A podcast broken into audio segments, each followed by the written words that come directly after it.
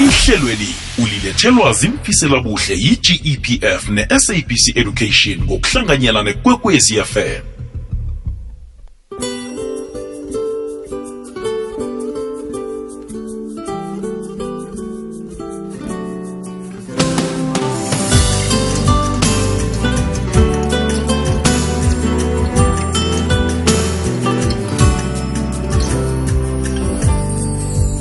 ikwekwezi FM kukhanya ba. Siyalotshisa siyakwamukela mlaleli okulotshisako nguthokozani nduli unamgwezani sisoke bekubethe isimbi yechumi ngaphakathi kwehlelo lethu lezefundo.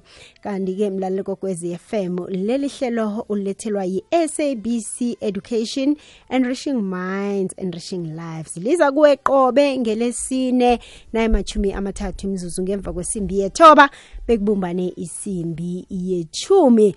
Kanti-ke ihlelo elimlaleli kokwezi FM liphandlulula umphakathi ngendaba ezithinta ituthuko eh nepilo yomphakathi iveke neveke-ke haye sithinde isihloko esithinda umphakathi weSouth Africa kanti-ke nawe mlaleli kokwezi FM unelungelo begodwa wamukelekile ukuthi-ke uzibandakanye kilo leli hlelo leli-ke. Ukhumbuleke bona uthindana nathi ngokusidosela ku-086 112 kanti-ke godi ugadangise nephimbo lakho ku-079 413 2172 mlalele kokwezi FM ukuplanela ukuthatha umhlala phasi kubudisi begodi kuyathusa ebantwini abanengi.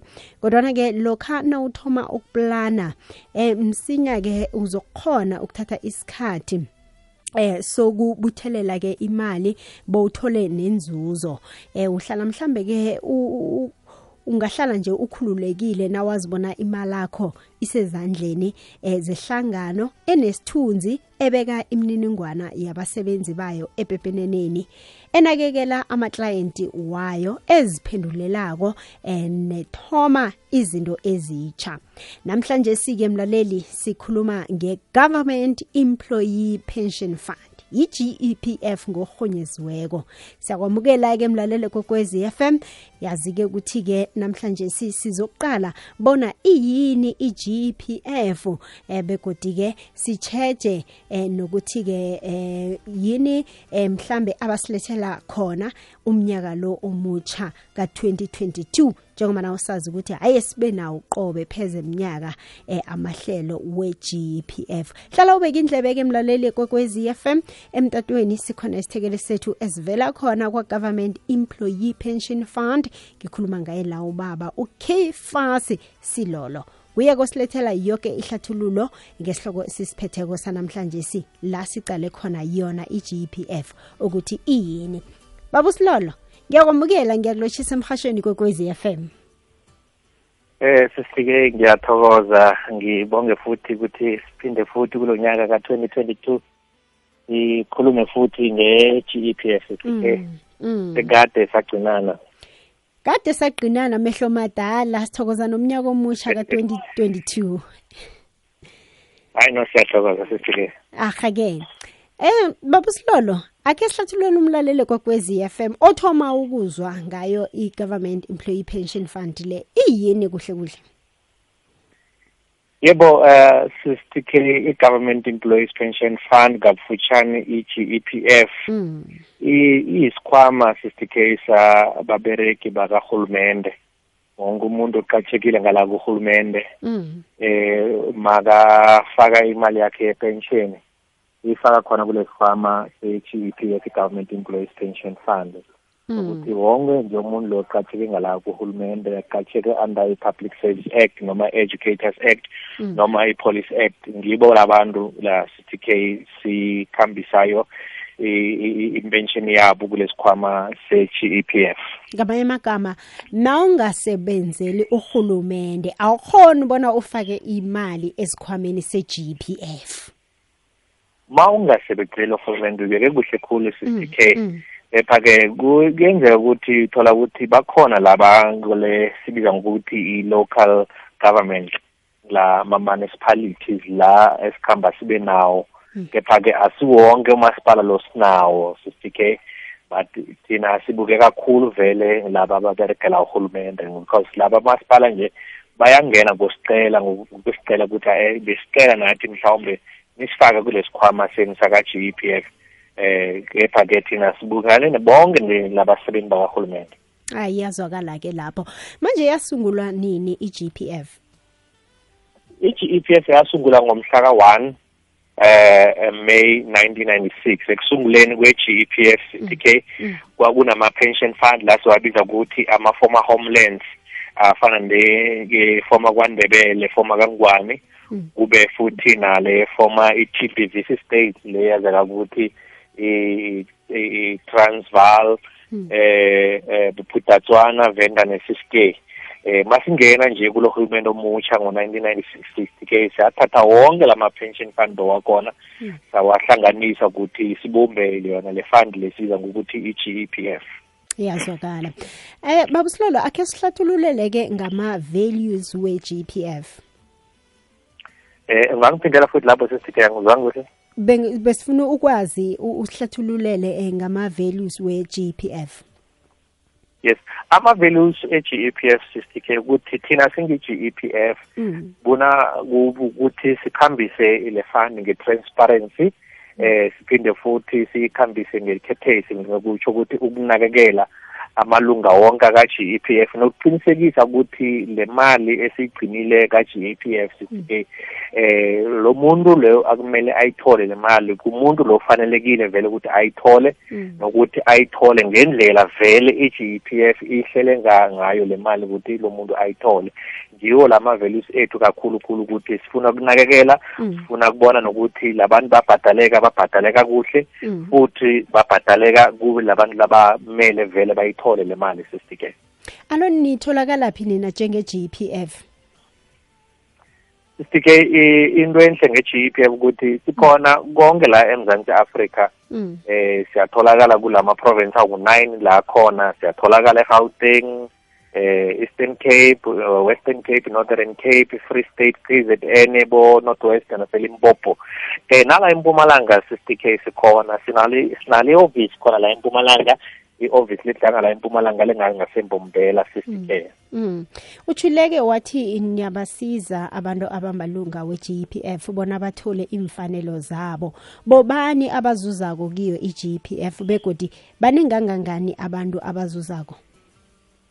Eh sisike abantu abazuzako ku-GPF ngamalunga la khona ku-GPF lo sokuthi lo qatshekile angala ku-GPF a-contributor nguye lo muntu lozuzayo kuphinde futhi kuzuze nama-beneficiaries. Ama-beneficiaries sikhuluma ngolokuthi umuntu makanabantwana ababhalisile ngala G_P_F makenzeka ukuthi ahlongakale labantwana siyabanakekela sibanikele le mali iy'mfanelo zabo eh nokuthi mhlawumbe umuntu mana bekachadile le spouse esisasela umlingani wakhe makasasela siyamnikela le mali yakhe eh lo muntu lona ukuthi eh aqhubeke ngempilo akhone nakuthi aqhubeke anakekele nabantwana. Ngibo labantu la sibasiza kakhulu lapho sesitike Mhm. Akhe sihlathululwe ke i-benefit fund ukuthi yona yini yini ubuhle bayo? Eh sisitike ubuhle be-GEPF la ngaqala khona ukuthi imali eh noma ama benefit la sinikelana ngawo ka GEPF a guaranteed lo sokuthi uhulumeni uyasichasa phinde futhi sichashe nangu National Treasury ukuthi mhlawumbe ifund ayenzi kuhle uhulumeni uyosinikela imali aphinde futhi atshele no-national treasure ukuthi asinikele imali sikhone ukuthi sinikele amalunga ethu noma ama-beneficiaries la khona ama-benefit abo ngendlela efanele sithike so thina kahle kahle sichaswa nguhulumende phinde futhi sichaswe nango-national treasury Mhm. Sikhuluma ngabo banike babusilolo nasikhuluma ngama active members. Ama active members sisitike ngibo bona labantu la ukuthi basaqhatshekile ngala kuhulumende ngibo Ngamanye ama active amagama- members ngoba Mm. yebo Nangabe kungene emlonyeni usho ukuthi ngamanye amagama lokho sele mhlambe uthethe umhlala phasi ungasasebenzela uhulumende awuseselilunga le-GPF ya bengisaza lapho ngisho ngithi eh sikhuluma ngalabantu laba bacontributayo ngala kuhulumende ngibo ma active members. Siphinde futhi sisitike sibe nalaba ukuthi bathethe mhlala phasi Yeah. lokho ukuthi nge- nge- ngesikhuwa kusibiza sibiza ngokuthi i-retirement. Mawuthethe i-retirement noma umhlala phasi sisike uyaqhubeka ube lilunga laka GPF ngoba sizophinda sikuholele umholo wenyanga nenyanga ungikhona ngalanga ku-GPF until imemberele efana nayo ihlongakala le mali nayo mayisekhona iyandlulela ngala ku-spouse naye si-spouse simnikele abe ngilunga laka-GPF imali lena kufikela ukuthi nayo iyahlongakala. Iyazwakala. Akhe uhlathululele-ke nge-legal framework elawulwa ngiyo i-gpf yebo uh sisike i-GPF ikhambiso phansi kwekhambiso ye ye ye ye ye ye-board of trustees ngisho ukuthi kukhona labantu laba bashaya imithetho la sibabiza ngokuthi i-board of trustees. Ngiyo inkambiso yethu ekhona lapha. Siphinde futhi eh singi-GPF siripote futhi ku-the minister of finance lo khona ngala e-South Africa. So singaphansi kwabo ngibo babukayo ukuthi eh singi-GPF sikhambisa iy'ndleko zabo kuhle nemali sinikela abantu banikela yona ngendlela le-right lefanele. Yazwakala. Njenje imizuzu ilithumi nebunane ngaphambi bona kubethe isimbi yechumi usalalela umhasho kwekwezi fm kukhanya ba. Ihlelo lihlelo elikhamba phambili lezefundo i-civic education. Hleleke kuhle khulu kwamambala mlaleli. Livezwa ngupatrick kabini. Namhlanje sike sicale ihlelo lethu lakwa-gepf kanti-ke mlaleli kokwezi fm sikunikela ithuba-ke nawe nange unombuzo. Bona usidosele enomborweni yomtato ethi 0861120459 inomboro yomtato-ke leyo. Kanti-ke godu usebenzisa iwhatsapp yakho ngokugadangisa iphimbo inomboro ye-whatsapp ithi 079 413 2172 emtatweni ngikhambisana nesithekeli sethu esivela khona le kwa-gpf ngiso-ke isithekeli sethu mlaleli esisiphendulela imibuzo esinayo mayelana lapha-ke ne-gpf baba silolo asiragele phambili njalo-ke.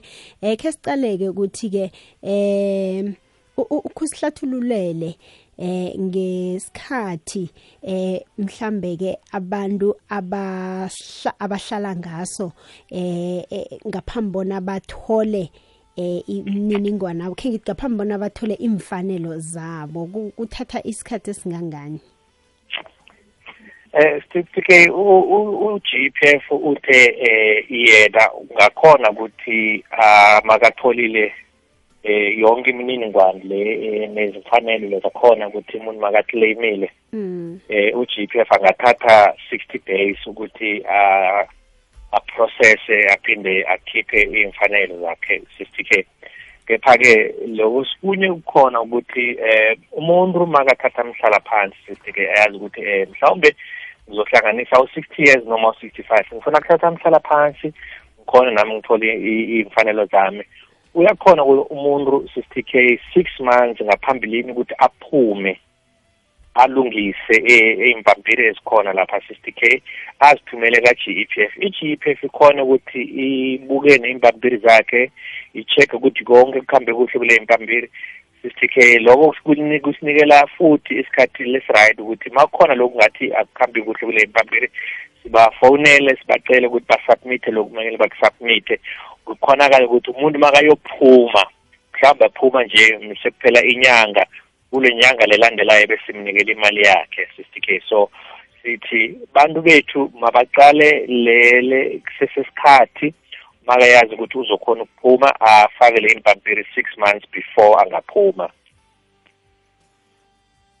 Ahake iyazwakala 0861120459 inomboro yomtato mlaleli kwekwezi FM sengiyivulile-ke imtato yethu ungathoma-ke udose njenganje. Kanti-ke godu ku-whatsapp 0794132172 ungagadangisa iphimbo lakho. Baba usilolo sesimemile umlaleli wethu khe simdobhe wokuthoma sizwe bona uthini. Kwekwezi siyakwamukela?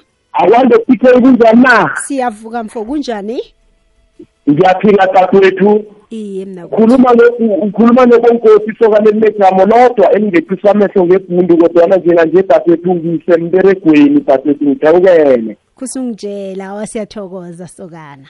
Ngiyathokoza sithi Uthini, eh Mfundisi? sengibethe zomofu isihloko senu ngiyasizwisisa ninobaba lapho se-GEPF ngiba ukubuza sisekhulu kwamambala ngiyakhuthazeka nami. Ngiba ukubuza dadethu ukuthi i-GPE i-GPEF le eh, na uyi-aplayelako mhlambe uyi-aplayela isikhathi esingangani iinyanga ezingangani and imali yakhona iphuma ngemva kwesikhathi esingangani. Ngizokulalela emhathweni TK ngiyakuthokoza ube nobusuku obuhle. Babaye alright eh baba usilolo Thokoza.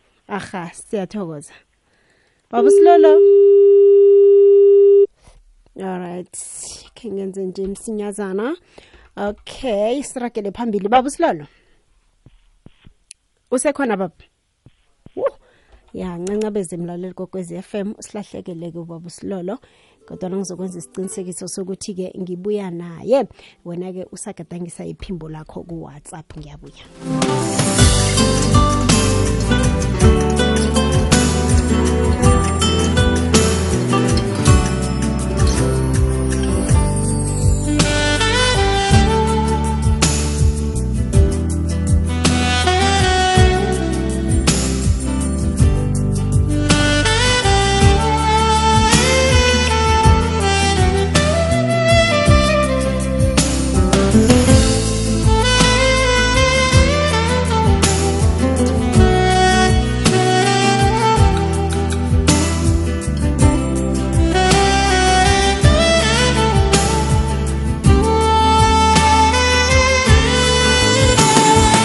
Njengoba ndangithembisile ngasho ngathi ngiza kubuya naye nakanjani ubaba silolo sekakhona vele godu emtatweni siragela phambili mlalelo kokwezi FM awusilolo ngincancabeze khulu kwamambala. Ngokuqundeka emoyeni asiragele phambili ke umlaleli kho wangena wabuza ke bonyana ke eh, i-GPF le uyi-applyela njani? Khe simbeke kuhle umlaleli emkhanyweni.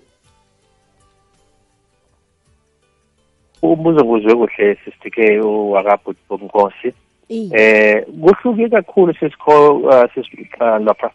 Ukuthi umuntu uapplyela ibenefit lenjani Hmm. eh kukhona lokuthi mhlawumbe u- u- u- uyaresigna nje uyaphuma emberegweni. Eh lokuthi ma uresigna vele eh lo muntu angathi ukuthi hayi mina sekusela inyanga nje ngiyaresigna besifaka imbabhiri zakhe ziyafika ngale ngakithi. Kunalo ngikhulume ngayo sithi-ke ngathi uyaretire. Lwangalungisela ku-retirement yakhe six months ngoba lo uyasazi isikhathi vele ukuthi uzohlanganisa unyaka lothize nini kanjani. Uyakhona ukuthi kuphinde kube nala sibabiza ngokuthi ma-beneficiaries sisikela ukuthi mhlawumbe umuntu uhlongakelwe uhlongakelwe ngumzali bese kufuna kufake i-application.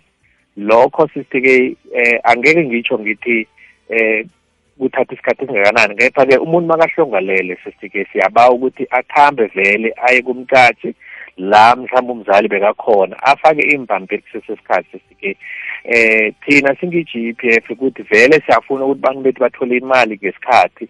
So ungasalindi ukuthi mhlawumbe umuntu makahlongakele namhlanje wena kumele ulinde two months noma i-three months. Makahlonga makahlonga nje namhlanje sisi-ke khamba vele uye kumcashi eh, bese umnikele iy'mbampiri lesifunakalayo sithi-ke umuntu aclaim. Ngitshilo ngaphambilini ngathi i-process ka-GEPF sithi-ke Mm. if yonke i- i- i- i-document le submithiwe ngala ngakithi i- i- bayisubmite i-right Mm. i-six months i mean i- i-sixty days ngiyo esibekelwe yona ukuthi kumele siyikhiphe le mali sithi-ke sixty days nje Mm. ngitsho i-two months nje kumele ukuthi siyikhiphe le mali yazwakala sizomunye umlaleli emtatweni okay silahlekele sizochinga lapha ku-whatsapp khe sizwe-ke bona athini amaphimbo athunyelwe emlaleli kwekwezi FM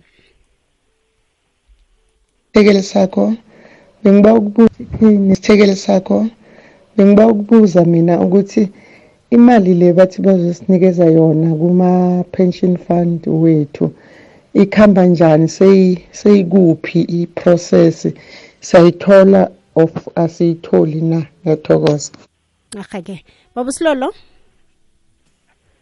oh sister k uh, mm. lo mbuzo lona ngiyacabanga bawubuza ngoba ku kuye kwaphuma umthetho lokhona lo utsho ukuthi mm. eh bakuto ba- ba- ba- bantu bakutokhona ku ku- withdrawa ingxenye yale pension funds k kepha-ke lokungakutsho ukuthi eh lo mthetho bowukhulunywe ngi-pension adjudicators ukuthi bantu banikelwe ithuba lokuthi bakhone ku-withdrawa le mali kepha-ke ku-G E P F kwinkambiso ye-G E P F sisi-ke i-board ifike yathi um ngalanga ku-G E P F ngoba thina imithetho yethu siyazenzela singi-G E P F iyenza ngi-G E P F iyenza ngi-board of trustees yethu. I-board of trustees yathi eh, yona angeke inikele amalunga abo le le le le le, le mali noma lengxenye ayikhona ukuthi banikele ngoba le mali i-GP kufuna ukuthi umuntu akhona ukuziphilisa makasathatha umhlala phansi manje simanganikela umuntu imali nje ngamanje sithi-ke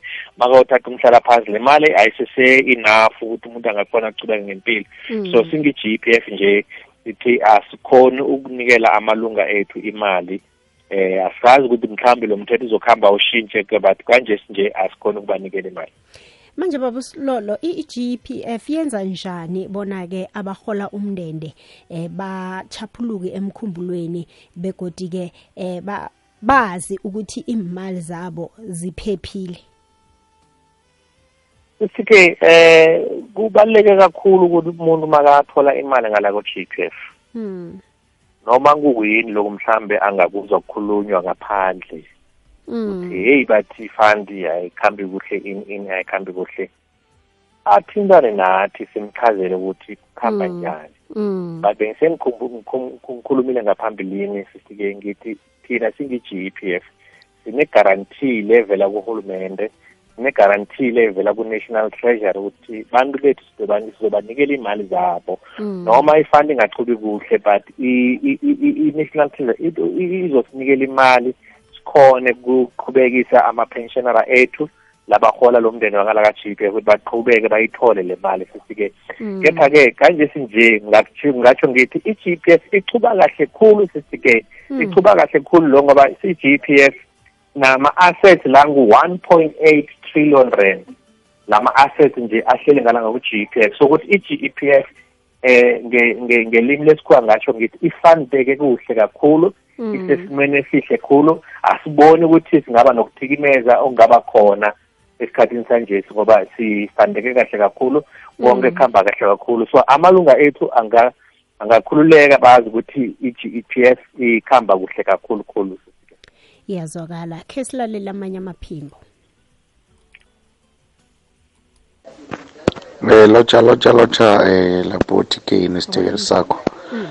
Yeah man siyezwa lapho eh, siyakhuluma eh, manje buzo wami mina ngi Dr Mahewu latha ngithi manje ngoba last sezwa bathi kunomthetho zo implement ukuthi kuzoba ne certain percent yokuthi si- singene kiyo. So wophele lapho umthetho lo or sesetafuleni na?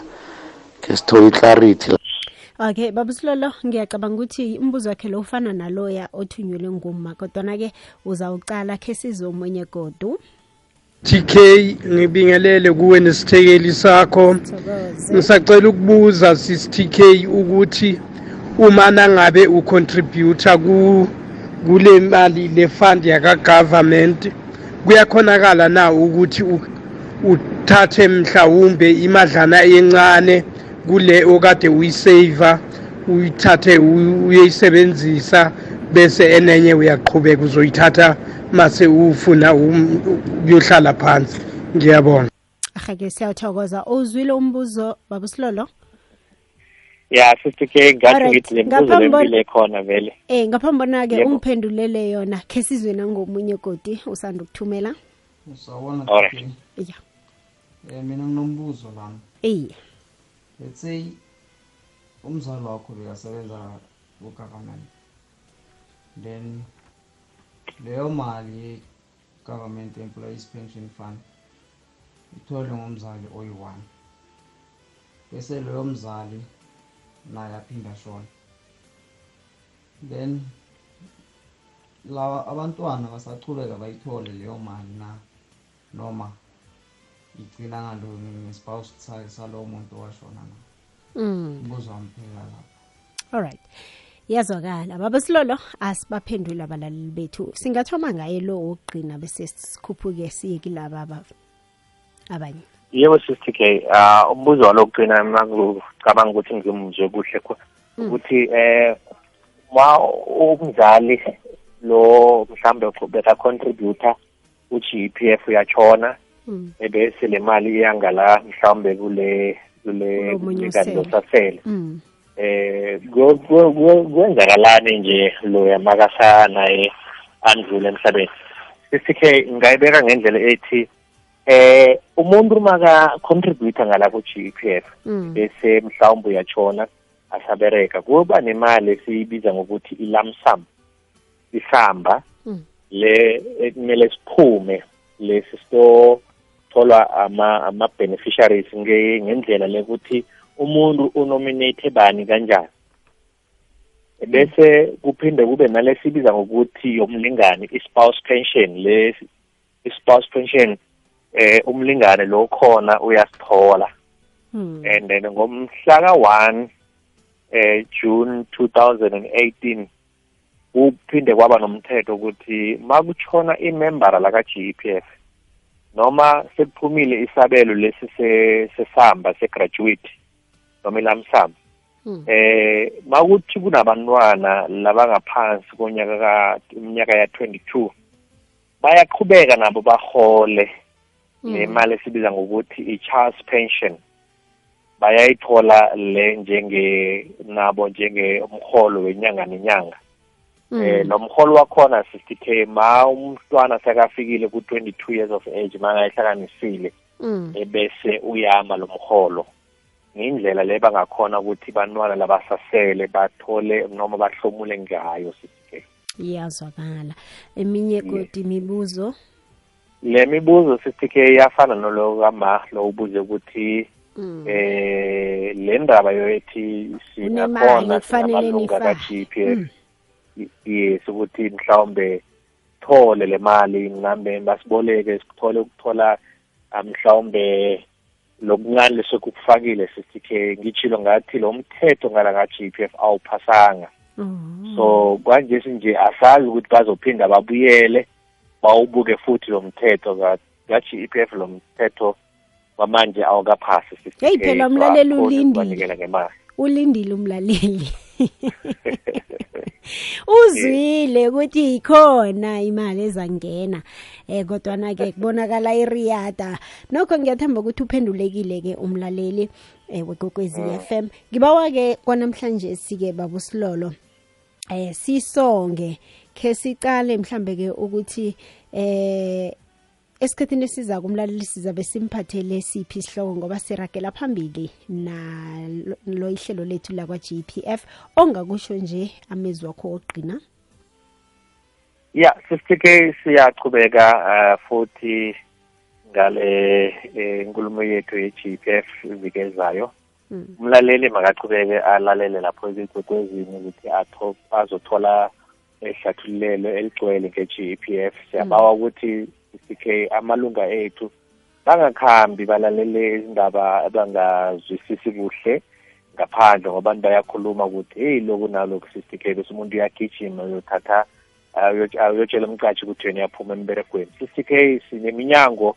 yaka-GPF lekhona bangasitshayela bangasivakatshela 50k ukuthi bakhone eh ukuthola iqiniso eligcwele mayelana nemali zabo mm. futhi mayelana ne-GPF nathi la ehlelweni 60k mm. sizoqhubeka sikhulumisana sikhuluma lokuningi kakhulu ukuthi nabo babe nesu- ne- ne- ne- nenzwisise le-right 60k asibashile inomboro zomtato la nitholakala khona njenge-GPF yes uh 60k bangasitshayela na inomboro ithi 0800 117 669 ngiphinde futhi 60k ithi mm. 0800 117 669 noma bangasibhalela ne-email i-email yethu ithi inquiries at gepf gov za. Inquiries at gepf gov za 60k bazokhona ukuthi bathole ithi- usizo lapho. Ahake baba usilolo sithokoze khulu kwamambala ehlathululo yoke osiphe yona sihlangane godu esicephini sethu sesibili ngelesine kilo ihlelo i-civic education. Ube nobusuku obuhle. Thokoze khulu nawo futhi 60k ahake ngiyathokoza ihlelweli bewulethelwa zimfiselabuhle yi-gepf ipentsheni yabasebenzi bombuso ne-sabc education ngokubambisana nekwekwezi fm